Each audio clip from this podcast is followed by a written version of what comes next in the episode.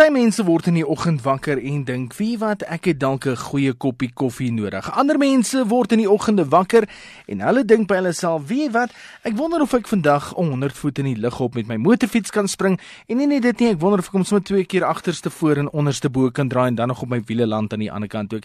Dis iemand, so Travis Pastrana, 'n X Games kampioen en 'n ekstreem sportlegende. And I'm back with the madness.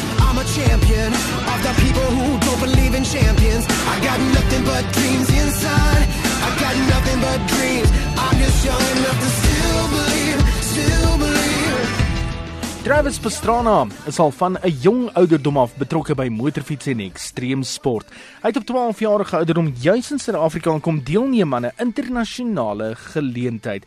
Ek het die geleentheid gehad om met hierdie X Games en ekstreem sportlegende te gesels veral oor sy beginjare. Yeah, second time back. I actually raced uh, dirt bikes over here when I was 12, but uh, now to actually have a chance to come on the Nitro Circus Tour. Uh, last year, unfortunately, I had just uh, was in surgery uh, when I was supposed to be on a plane coming over here for a broken leg. So Oh, man. one of those things that happens with uh, with our sports. Wat is die grootste verskil wat hy gesien het in Suid-Afrika van sy laaste besoek hierso toe hy 'n 12-jarige seun is tot waar hy nou is, 'n getroude pa met twee kinders. Oh, you know, when I was 12, actually, we spent a lot of time just kind of out in the middle of nowhere, just uh, you know, riding uh, riding the tracks and stuff like that. But I, I tell you what, it's um, it's really cool. Got to uh, stop by yesterday Mandela's uh, his home that they had on the on the street and everything, and that was just a wild uh, wild experience by the towers, and and just been cool to kind of check out Johannesburg. Alles in Pastrana se ouerhuis toe hy 'n kind was het daarop gedui dat hy eendag ook op 'n motorfiets gaan wees. Hoekom? Uh, no, my mom uh, raced motorcycles. My dad raced motorcycles, and just as a family, it's what we did every weekend. You know, they got off work and we, we went and we rode.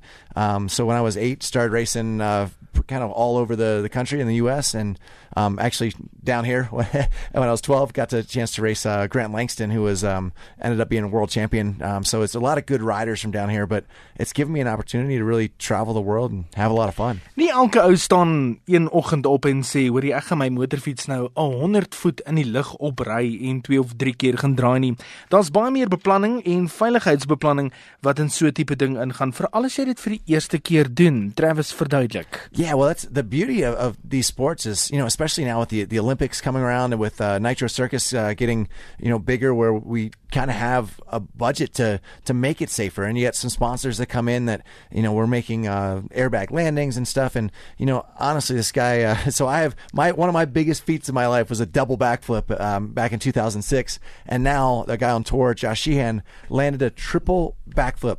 He was over 100 feet above the ground um, doing a triple backflip on a 250 pound motorcycle. And it's the progression of these sports is a lot due um, to the athletes getting stronger, uh, getting smarter, and you know having more gymnastics uh, as a background that we never realized we were going to need. En hoe voel dit as jy 60 tot 100 voet in die lug op is, jy's onderste bo op 'n motorfiets en jy weet jy moet eers land. Is die oomblik te vinnig vir jou maag om te draai? Is die oomblik te vinnig om te dink?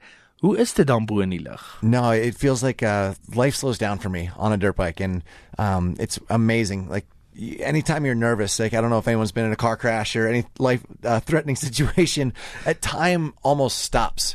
So that happens to me every time you're doing a trick or something that you know when you're when you're 60 some feet off the ground, you're that high, and you're literally looking people that are six stories up in the stands. You're looking at them eye level, and that's you know that that's really cool. Die moderne vorm van die waaghalse in die vorm van Nitro Circus en Travis Pastrana, 'n legende in ekstreem sport wat tans in Suid-Afrika is.